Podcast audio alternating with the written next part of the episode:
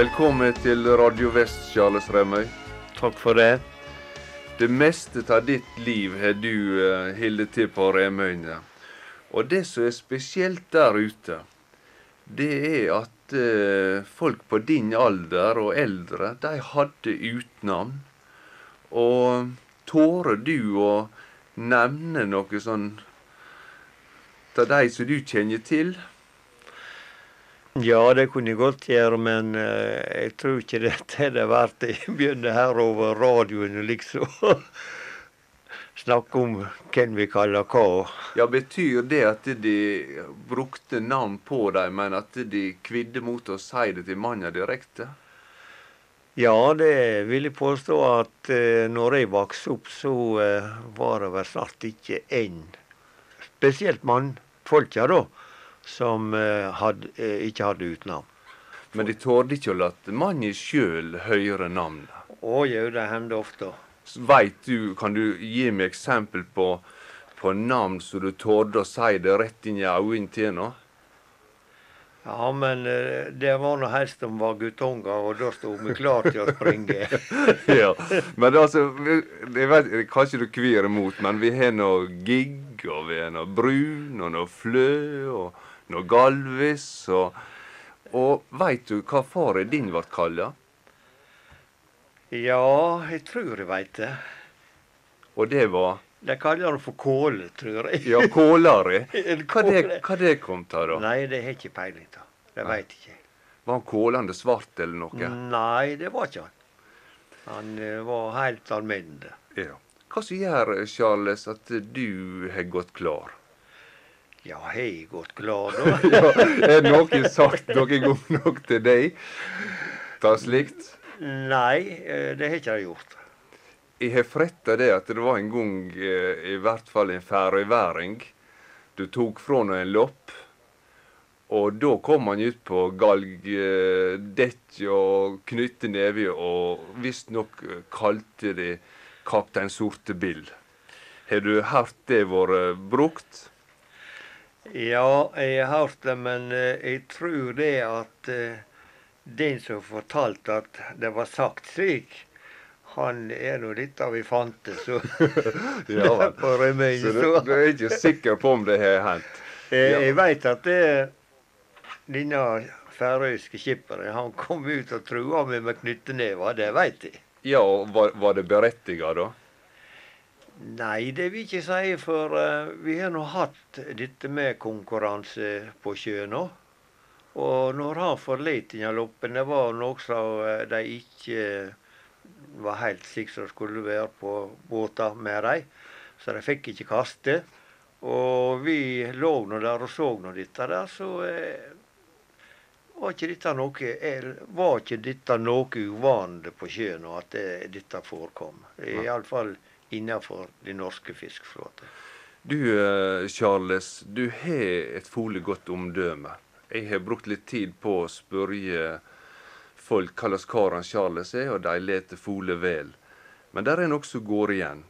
Og det de sier, det samtlige, at du er så stirrig. Hva det skal være godt for? Eh, vel, det kan vel være både sant og usant.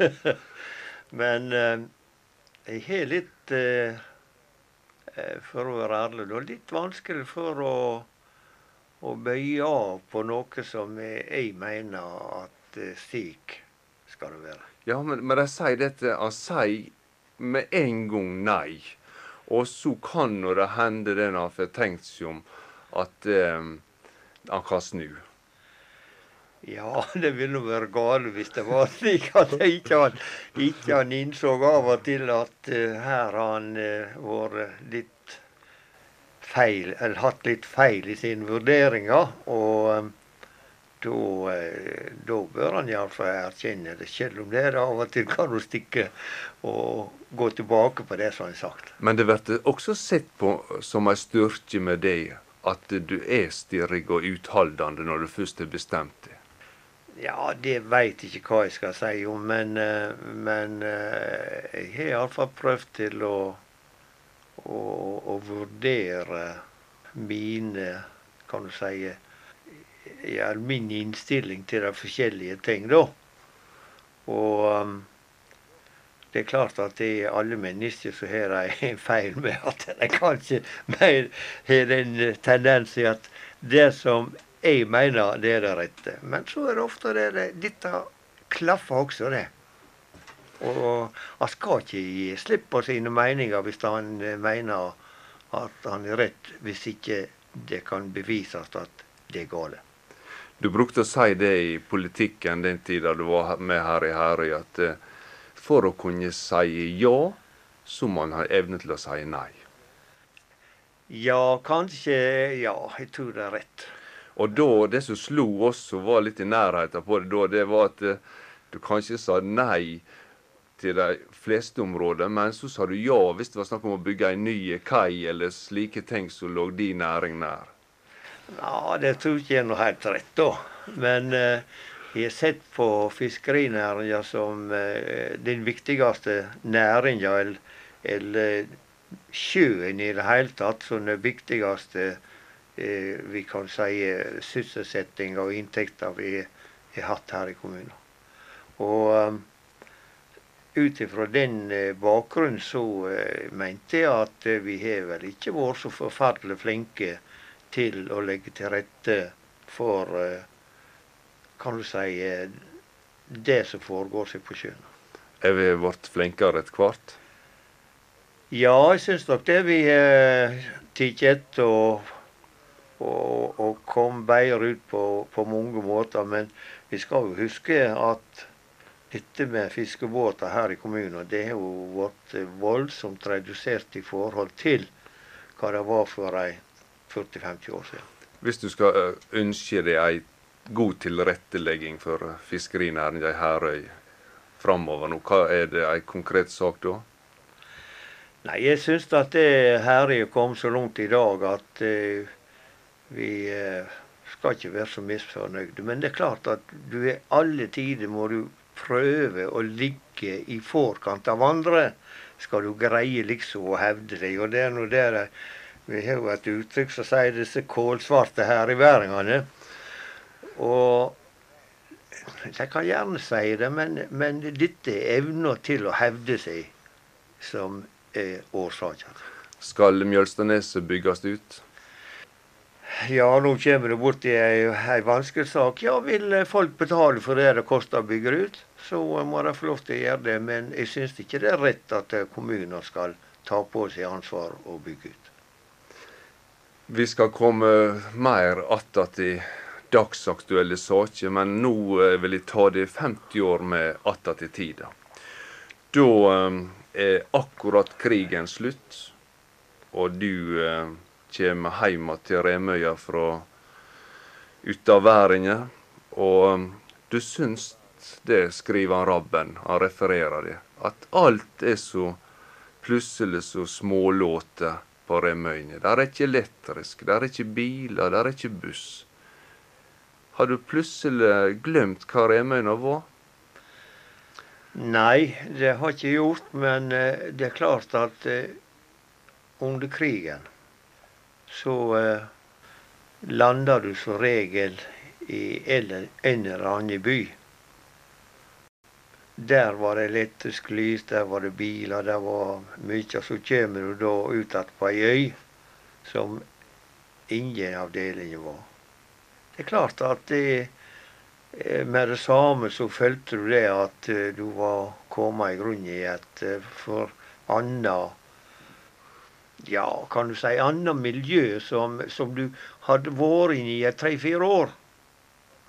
Var det nesten så du fikk lyst til å reise ut igjen? Nei, i grunnen ikke.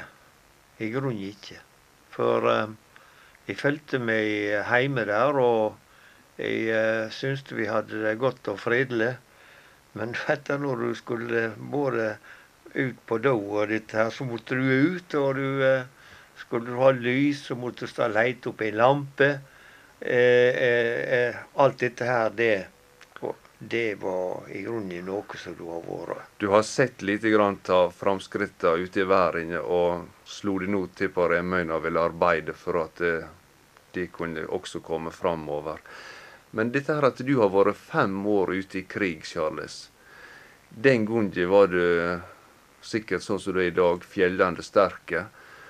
Eh, merker du noe av at krigen eh, har sett spor i det den gangen? Nei, du vet, nå er nå det slik at skal nå ikke sitte og skryte av seg sjøl. Men eh, jeg tror de er helt ærlige når jeg sier det at eh, jeg gjorde ikke det. Jeg merka ikke noe av det. Jeg eh, var nå med på invasjonen i Frankrike. Jeg var nå med ned i Middelhavet, og jeg var nå med og gikk på Atlanteren. Men eh, jeg sov godt inntil jeg var på Skjønland. Var det naturlig for deg å sove, eller klarte du på en eller annen måte å si til deg sjøl at dette må til skal jeg overleve? Nei, det Jeg tror ikke jeg sa noe ting ut av disse delene. Jeg tok det slik som det var, og så tenkte jeg ikke mer på det. De åra du var vekk, så møtte du kona di, denne Gunvor. Kan du fortelle meg hvor det har seg du møtte henne? Ja, det kan du fortelle. For, for jeg, jeg for ut igjen da etter krigen, og så gikk vi i fart her på Norge, og så enda vi opp i Tromsø med en kållast. Og der skulle vi ha, ha litt folk. Vi skulle ha folk i messe og dette her. og der har nå selvsagt vært gale nok til sagt at dette her, nå skal hun ut. Jeg uh, mønstra ikke på jeg regna jo ikke med at jeg skulle vært for hele livet. Men uh, du setter pris på den allerede den dagen du setter navnene på papiret, på skipspapiret? Det kan jeg ikke akkurat si, men uh, jeg fant ut at det var ei tiltrekkende skal vi si dame eller jente, da. Yeah. Og det syns jeg har vært hele tida. Og ikke lenge etterpå så bestemte de dere for at de skulle bygge dere hus på Remøyen og slå dere til der. Og jeg har også funnet det i bøker at de kaller huset deres Lykkebo. Har du huska Veit du at de gjorde det den gangen? Ja, det veit jeg. Og det var hun som fant opp navnet. Og eh, siden så har det hett det. Og jeg tror det var et uh, fornuftig og godt valg. Betyr det at du lot henne få bestemme ganske mye av det som var hjemme? Ja, det har vel vært både òg. Sommertiden så sier hun det at du er helt umulig, og sommertiden så har jeg sagt at det, hun er umulig. Så.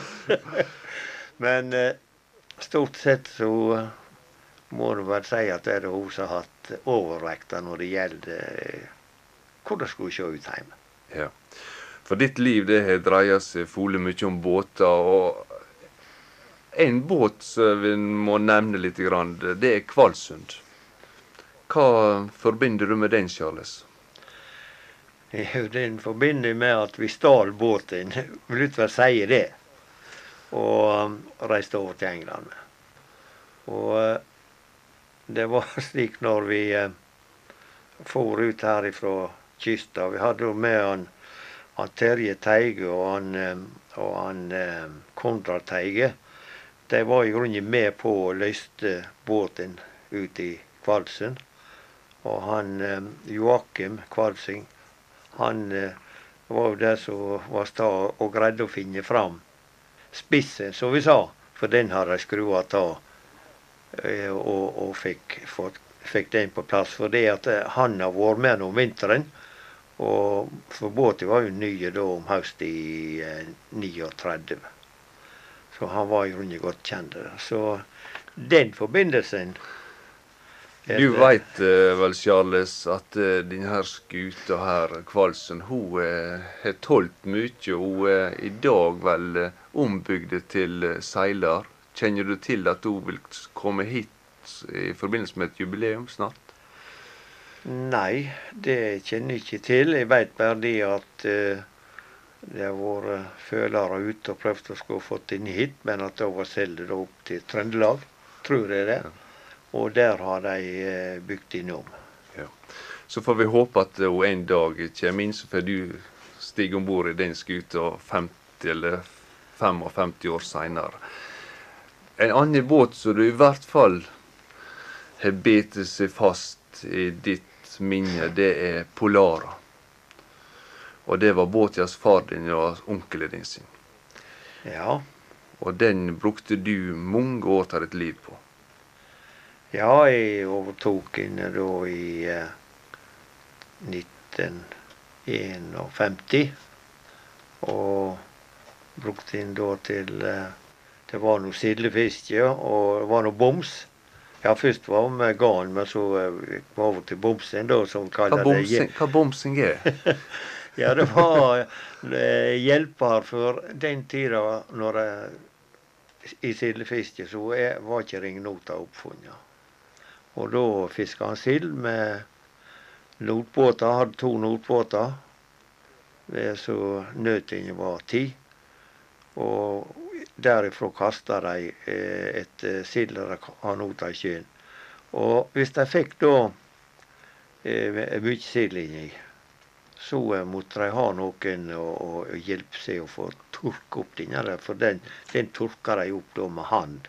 Det er ikke slik som i dag. De bare hiver oppi blokka. Du sleit mye om bord i den båten, Charles.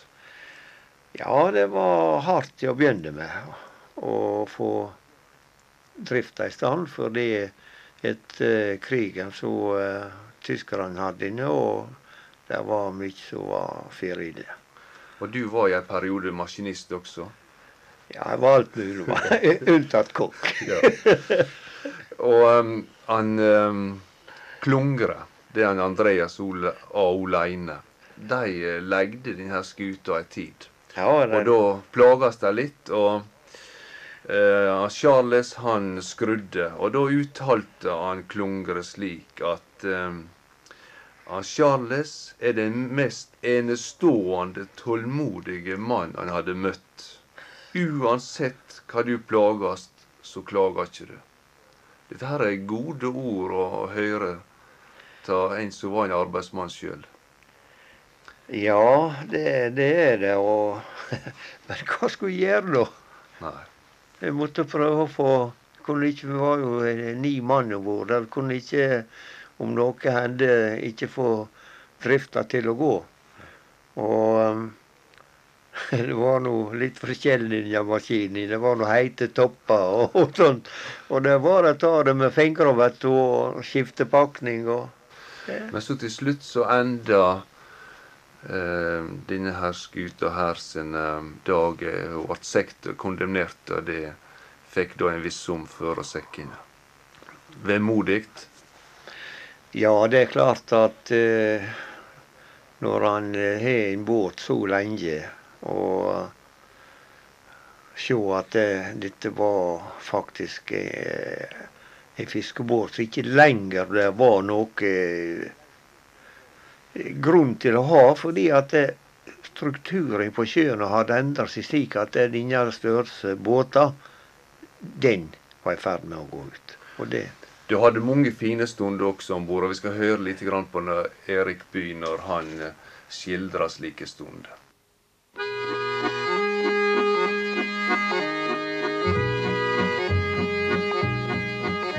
I heldringstimen er det godt å seile. En kaffekjeft og stump med serr oppå. Åpner med et smell ditt rorhusvindu. Og stikker nesa ut og snuser mot det blå. Ja, se den gamle gullsmed morgensolen har atter hamret havet til et fat. Der skaperen med ødselhet har drysset en håndfull holmer som nå bader i karat.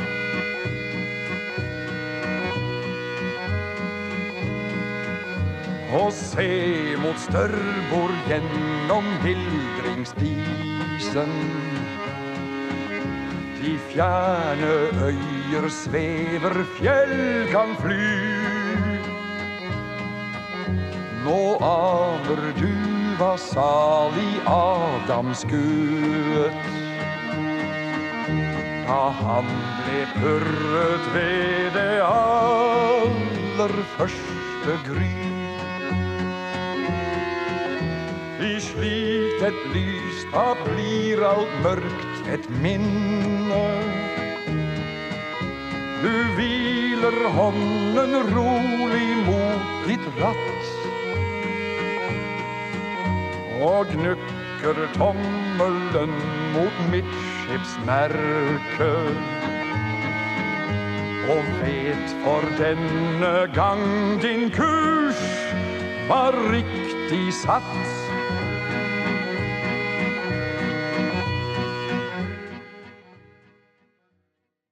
Ja, Charles eh, Remøy. Men mange av de rederiene som er på Remøyen i dag, de har sitt utgangspunkt i sånne skuter som Polara. Vi har Sæter-rederiet og, og flere. Eh, men de fikk ikke det til å, å bygge videre. Og da ble ditt lodd i livet å tjene andre. Ja, det er rett. For um, det var jo ei vanskelig tid da med både finansiering og annet etter silda for. Så um, som var så heldige da at de greide å få setra i gang de fleste av dem da, så gikk det svært bra. Var det et nederlag, dette her, Charles, så stor og sterk og pågangsmot, og så ikke klarer å ha sin egen skute? Ja, det er klart at eh, med det samme så eh, var det litt rart. Men hvis du ser alle, f.eks. hvis du tar noe og du tar noe Kvalsund og, og Leinane og alt, eh, alle de dekksbåtene som var i, som vi kaller det, den tida på 50-60 fot, så har ikke der noe mye igjen av det heller. Det, det er bare noen få store båter. Så det var vel ikke bare vi det, oss det gikk den veien med, men, men det var det var i grunnen i tida som gjorde at det, var, var ikke enkelt. Og vi kan ikke komme inn på alle de eh, skipperjobber du har hatt eh, på sjøen nå, men jeg veit at du har vært med på en del dramatiske hendelser. Du var skipper på en båt som het Senior som forliste. Ja, det stemmer. Det var aldeles fullasta, og så fikk de vel sjø inn i Roma i tillegg. Nei, vi eh, var ikke fullasta, for vi Ja, jeg var jo nesten lasta, da.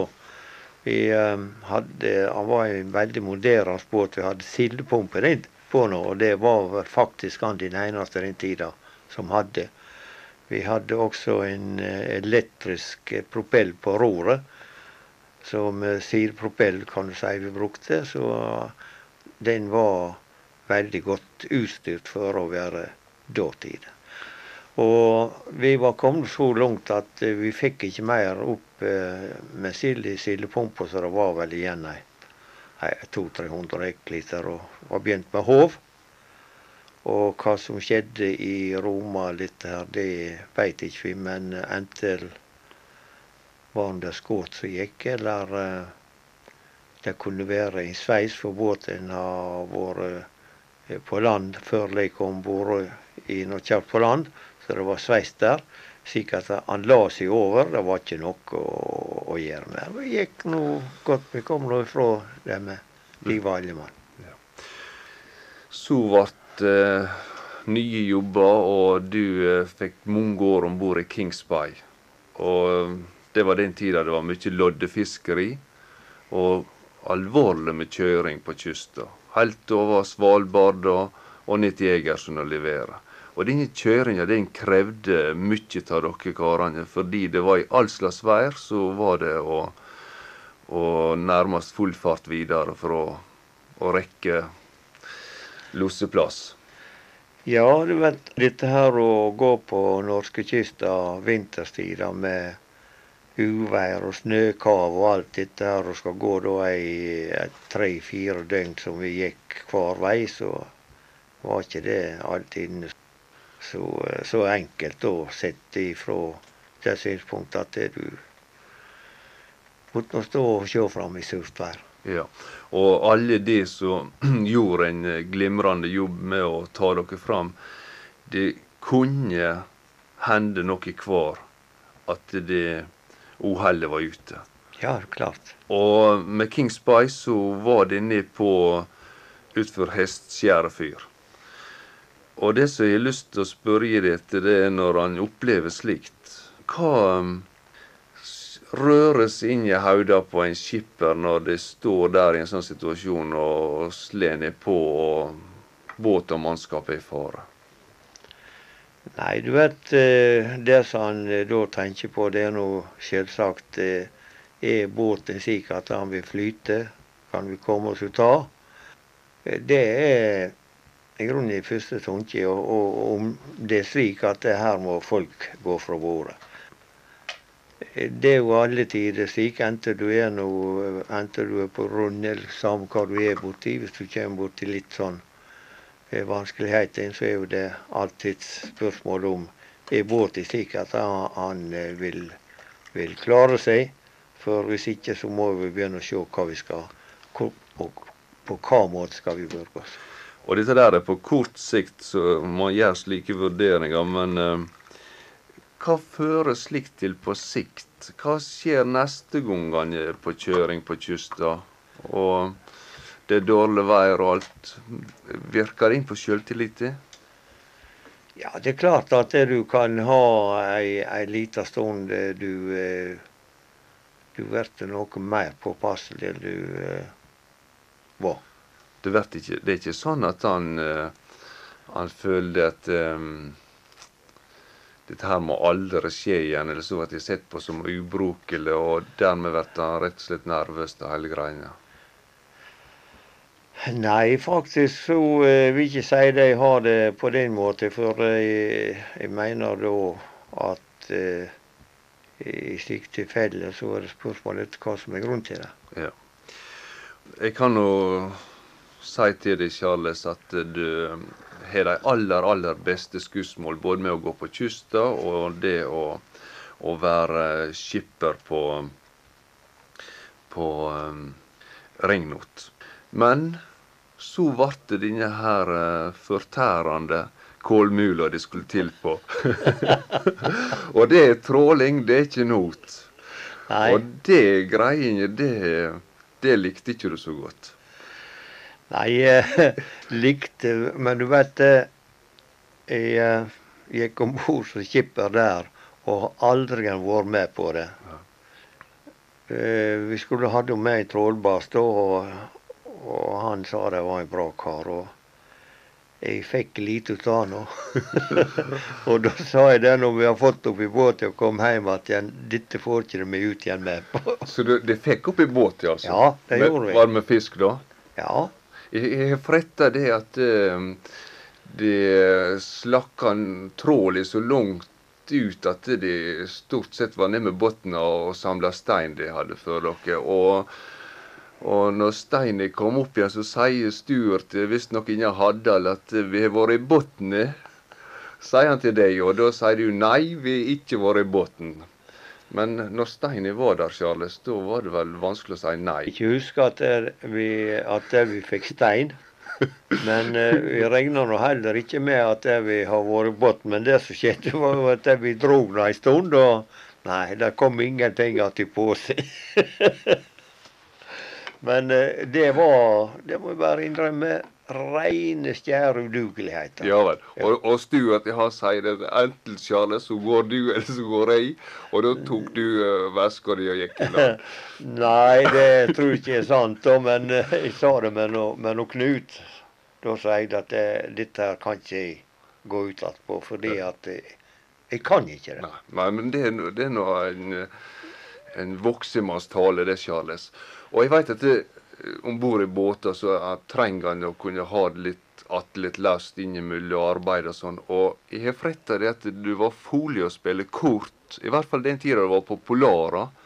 Er det rett at en gang så var du og han tjukken ute i Remøyene satt i lag og spilte bikkje innpå han, og Sigmund av Gjersvikin, så til slutt ble det vel oluste alt i hop?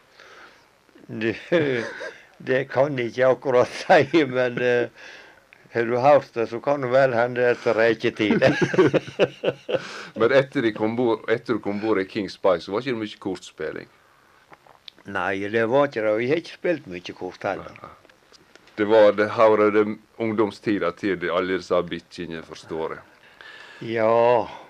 Men etter det her styret, at du slutta da med kålmule og, og, sånne ting, så begynte du å reise med veskene. Og du veit så inderlig vel hva jeg legger i det å reise med veskene. Det var sagt i, i, en negativ tone, dette ordet med veskene. Hvorfor gjør ikke fiskerne tillit til sine egne utsendinger? Ja, eh, der tror jeg jeg vil si at de hadde det. For um, jeg drev nå både sjøen og reiste med veskene, så du kan si fritida mi hun gikk faktisk mye opp til i, i reising. Jeg vil nå kanskje si det slik at når jeg drev fiskeri og, og, og for med vesken, så var det den hardeste tida i de åra. Så du følte på det at eh, den menige fisker hadde tillit til sine folk i organisasjonene?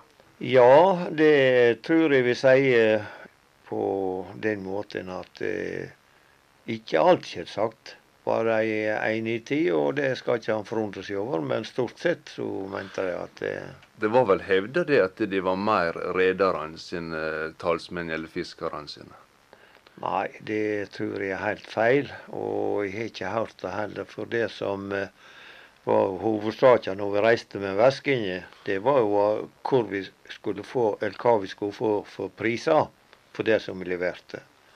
Og der tror jeg iallfall, eh, det kan jeg iallfall si sjøl, at eh, jeg ble hevda som en person som var i grunnen umegjørende når det gjelder dette med prisene.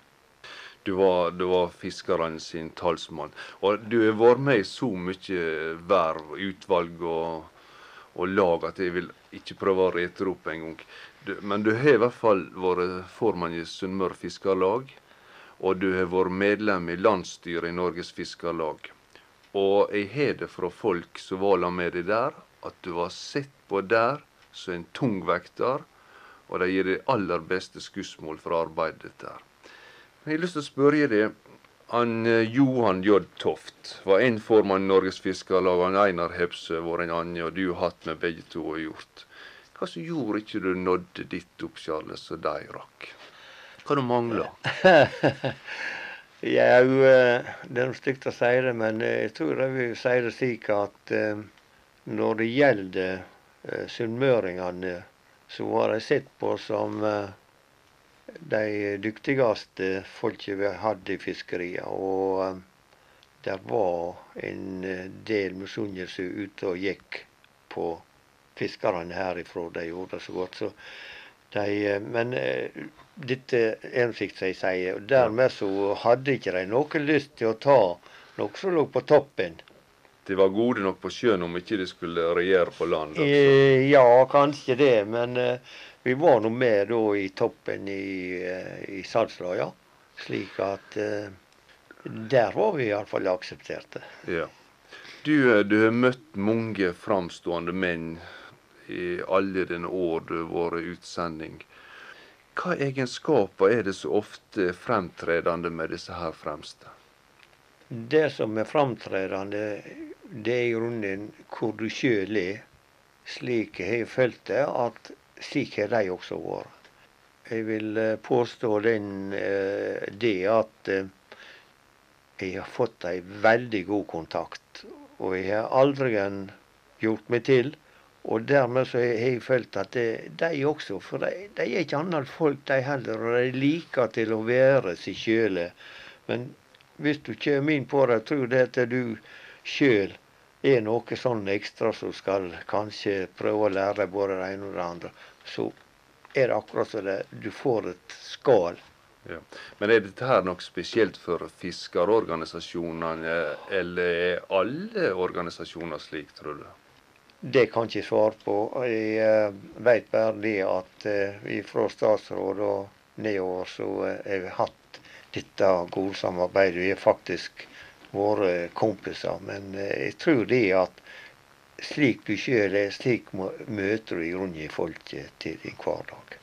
Vi hadde en gang en fiskeriminister som ikke har vært fisker i det hele tatt. og Du husker vel navnet, om ikke jeg gjør det. Han var vel skolelærer, tenker jeg. Klarte han å være ha rette tone med fiskerfolk? Ja, og nå veit jeg ikke om det er noen Moxnes du tenker på, eller Nei, jeg tenker på den nordlendingen som var litt etterpå. Jeg beklager at jeg ikke Bolle? Ja. ja. Ja, det kan jeg godt si slik. Det, dette er ikke for å skryte, men jeg og han vi var gode kompiser. Og jeg vil si han hadde, selv om han ikke hadde annen folkeskole, så hadde han sunn fornuft. Ikke alt selvsagt som han sa og gjorde, var vi enige i, men det var en person du kunne snakke med, og han forsto. Han har vært fisker sjøl. Ja. Og så fra slike trivelige personer å ha med å gjøre, så kommer du ned i ordførerstol i Herøy kommune og skal begynne å forholde deg til alt mulig som er med i det politiske. Er det en stor overgang? Ja, nå hadde jeg vært litt inne i, eh, i uh, politikken før, da, så jeg var nå ikke ny på området. Men det er klart det ble både en stor overgang og en overraskelse når jeg ble ordfører. Jeg kan jo si det, jeg satt en hel kveld under nominasjonen Eh, til eh, kommunestyrelista og sa at jeg vil ikke stille på lista i det hele tatt. Ja, Var det fordi du var skeptisk til å stå på høyrelistene? Nei, det var fordi at jeg, eh, jeg var i grunnen Syns ikke det med politikk i grunnen ga meg så veldig mye. Og så var det Jeg drev fiskeri. Så jeg, jeg kunne ikke direkte da si dette nå, nå skal jeg slutte, for han veit nå aldri hva som skjer i politikken. om kommer inn eller ikke. Og så sa det mer stryk meg til listen. Det var det siste jeg sa jeg for gjennom døra. Og så får vi på sjøen. Og så ble det for seine, selvsagt, til å komme. Og så ble du valgt ordfører. Og, og de sier det om det, Charles, at du var en dyktig ordfører på den måten du var samlende. Og du fikk hver enkelt som var med i det politiske, til å føle at de var med å bidra med noe. Var med på en måte på lasset. Var dette her egenskaper som du har lært fra fiskerorganisasjonene? Nei, jeg veit ikke om jeg, om jeg, var slik, da. Men jeg prøvde iallfall å være en ordfører som skulle gi alle samme muligheter til å kom fram med sitt, og at han ikke skulle føle, som kanskje en nybegynner, at eh, ja, sier noe nå som kanskje ikke er slik som jeg skulle ha sagt det, så skal han bli trakassert. Jeg vil vite mer hvorfor du valgte Høyre. Jeg syns at eh, det partiet passa meg best da. Jeg har og hadde tro på dette med et uh, fritt initiativ når det gjelder til å, å sette i gang virksomheter og, og, dette her. Da var Høyre etter min mening et parti som uh, var og ga slike muligheter. Ja, Men gir ikke Høyre det da med, da? Nei, altså det som uh, er forskjellen i dag, det er at uh, de vil inn i dette fellesmarkedet. Jeg mener også det at de hadde en, hadde en fiskeripolitikk som gjorde at jeg ikke kunne være med på å støtte det. Hva som lå i den fiskeripolitikken? Ja, de eh, ville helst at vi skulle ha noen få eh, store båter, og det mener jeg og da, og det mener jeg nå, det er ikke rette framgangsmåte. Ja, Betyr det at du, de gikk inn for uh, fritt kjøp og salg av kvoter uten noen slags styring på det. Det var også en del av problematikken. Så du uh, valgte for en tid siden å melde deg ut av Høyre. Er du partiløs i dag? Ja, det kan du godt si.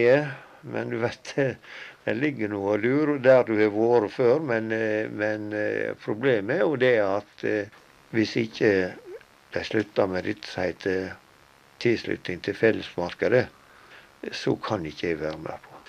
Du er også opptatt av det som skjer i Herøy i dag, selv om ikke du er med i lokalpolitikken. Og vi hadde nettopp ei sak oppe der det var snakk om omsetning av alkohol, av øl.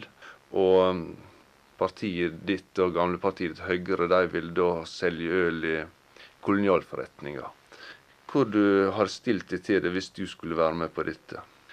Nei, jeg har hele min tid vært motstander av salg av alkohol i kommuner. Jeg har gått imot eh, bevilgningene som nå hotellet har hatt, og det vil jeg fremdeles ha gjort.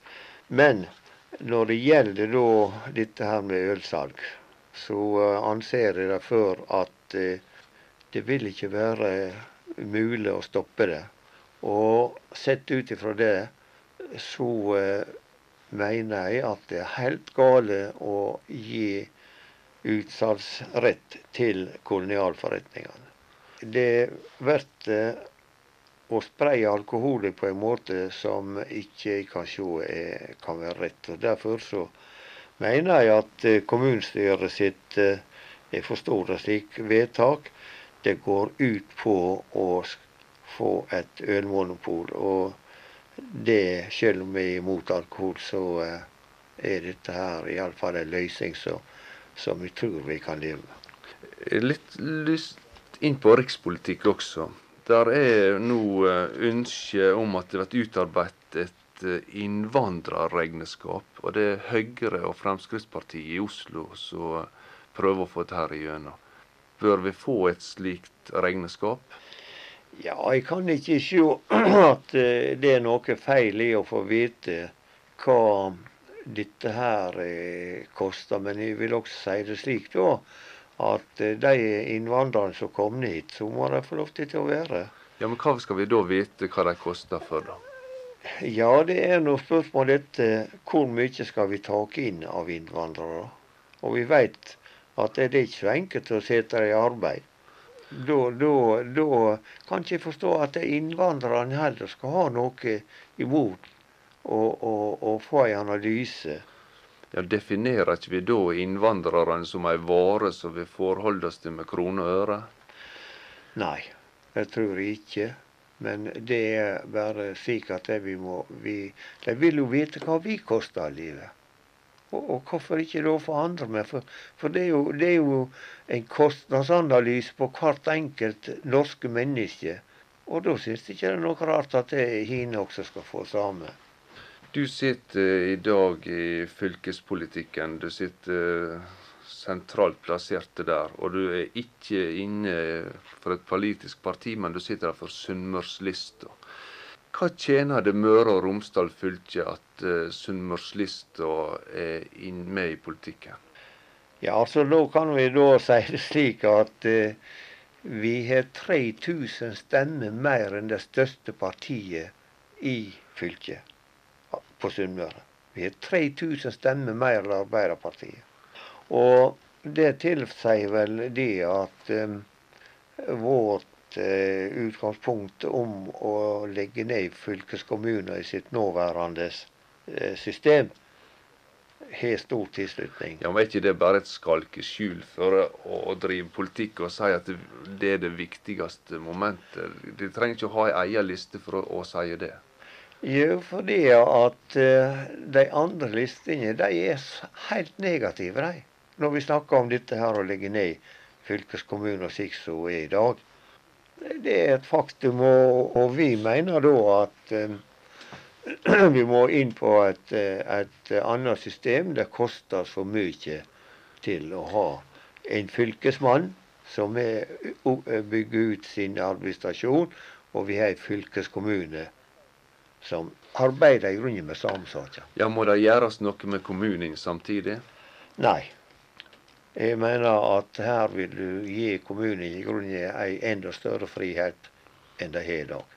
Så Sande kommune bør fortsatt uh, være Sande kommune? Ja, du, nå kommer du inn på noe som er, er selvsagt et brennbart punkt. Men eh, jeg eh, vil nå si det slik at eh, Sande kommune bør tenke seg vel om før de veit hva de gjør, og, og hva dette vil resultere i.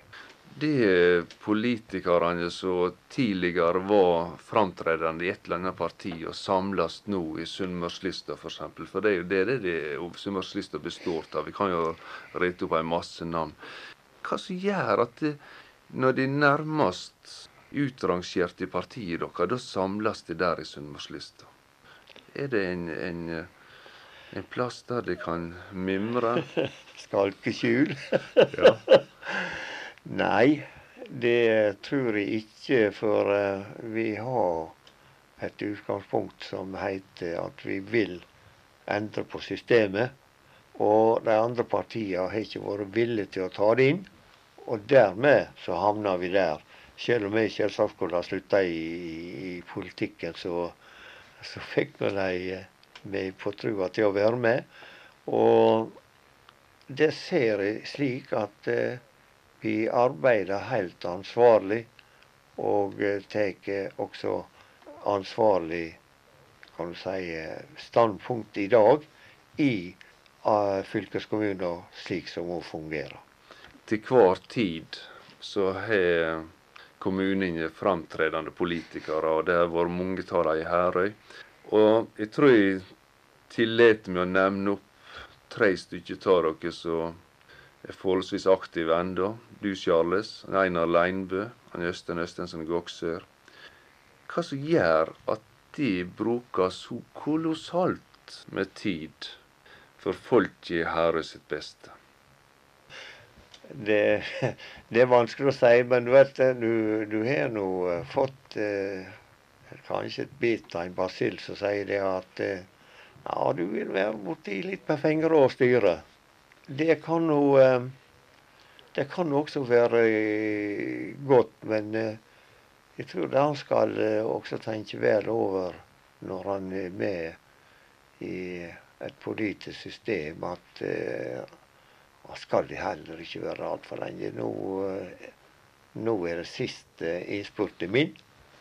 Og jeg tror det er godt at det er nye folk får komme til. Men det er én ting så jeg syns det kanskje Dette er ikke fram, for å framheve meg, men dette med en viss erfaring, det er godt til å ha med seg for de som skal begynne på nytt opp attende, og, og, og prøve å styre eh, en kommune eller et fylke. For der er tross alt mange ting som den som har vært med litt, har kanskje bedre innsikt enn det som kommer rett inn og skal begynne å prøve. Så du sier nå at et eh, politisk parti som har med også uh, folk uh, som kommer opp i åra, de har en styrke?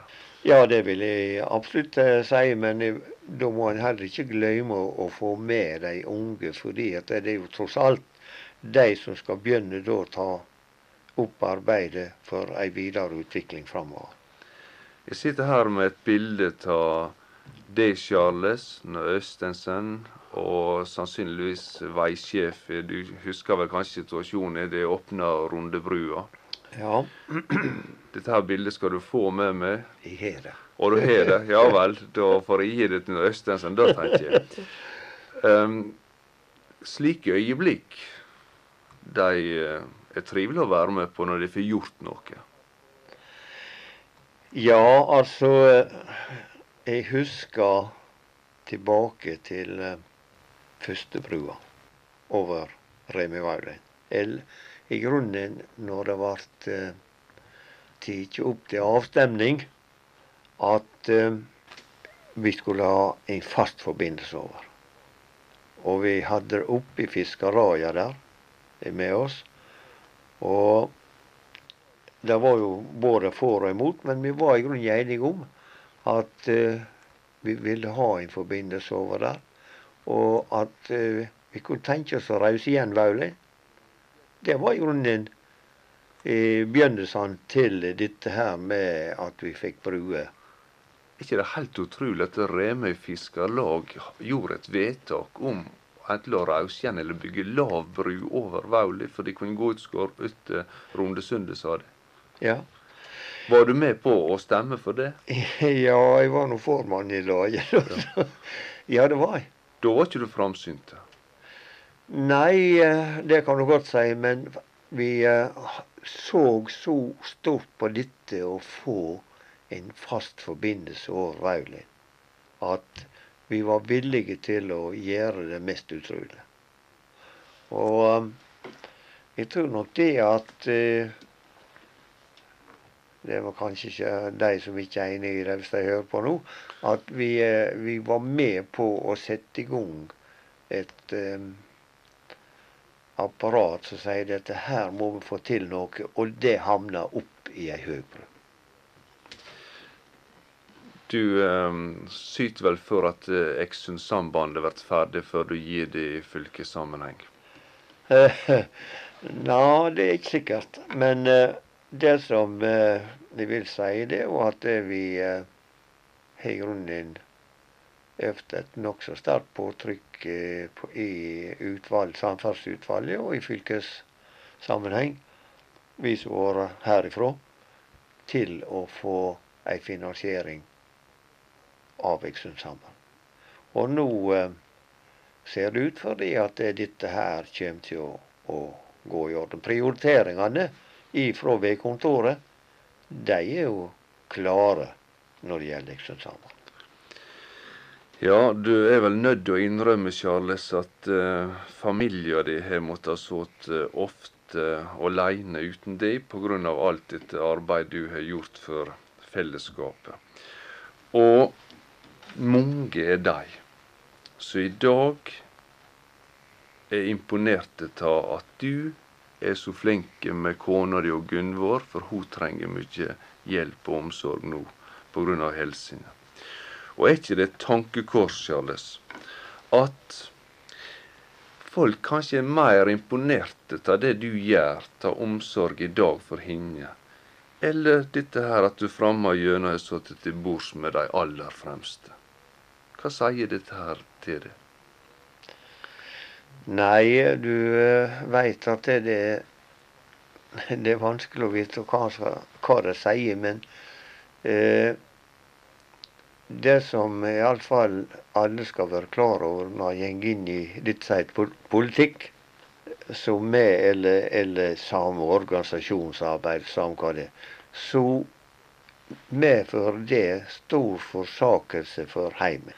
Og har ikke jeg hatt eh, ei, kone som i grunnen var ja, Hun var ikke alltid noe enig i det jeg gjorde, men, men jeg aksepterte det. Så har ikke det gått i det hele tatt.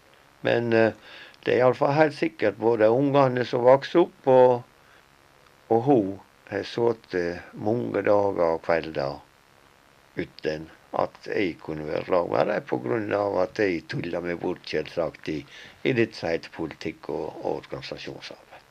Men jeg syns også det er kjekt å se at uh, folk verdsetter så høyt som de gjør, det at du viser så mye omsorg for henne i dag.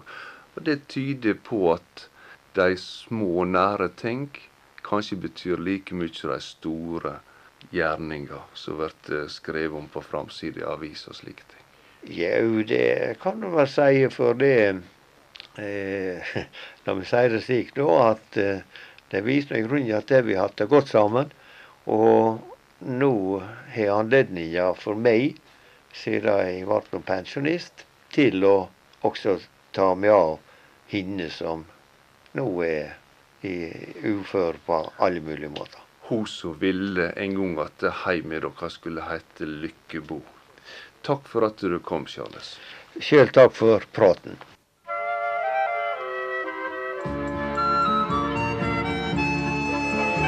Jeg har trasket meg tret på så mange en sti, og har fulgt meg en flakkende stjerne. Kveldsstille hus gikk jeg oftest forbi, skjønt de lokket med lys det fjerne. Sank løvet til et leie og kvist til et bål. De lokket med lys i det fjerne. Lokket med lys i det fjerne. Jeg har varmet min hånd over fattigmanns ild, og mitt brød har jeg delt med de ringe. Nytt håp har jeg skimtet i daggryets spill, av gull mot en flaggermusvinge. Sank løve til et leie og kvist til et bål, en flyktende flaggermusvinge, en flyktende flaggermusvinge. Jeg fant hender som søkte å lege mitt sår, men jeg skjøv dem med lempe til side. Hender som søkte å stryke mitt hår, forlot jeg med hanegalstide. Sank løve til et leie og kvist til et bål, forlot dem ved hanegalstide. Forlot dem ved hanegalstide. Jeg var salig i troen på støvel og stav, og jeg sturet bak stengsel og rute. Jeg stønnet mot hei, og jeg higet mot hav, og noe som lokket der ute. Sank løv til et leie og kvist til et bål, ja, noe som lokket der ute noe som lokket der ute. Men jeg takker for sol, vind og regn mot min hud, og hver håndfull av liv jeg fikk låne. Jeg har ant meg en mening og drømt meg en gud, et sted bak den siste blåne. Sank løv til et leie og kvist til et bål, et sted bak den siste blåne. Et sted bak den siste blåne.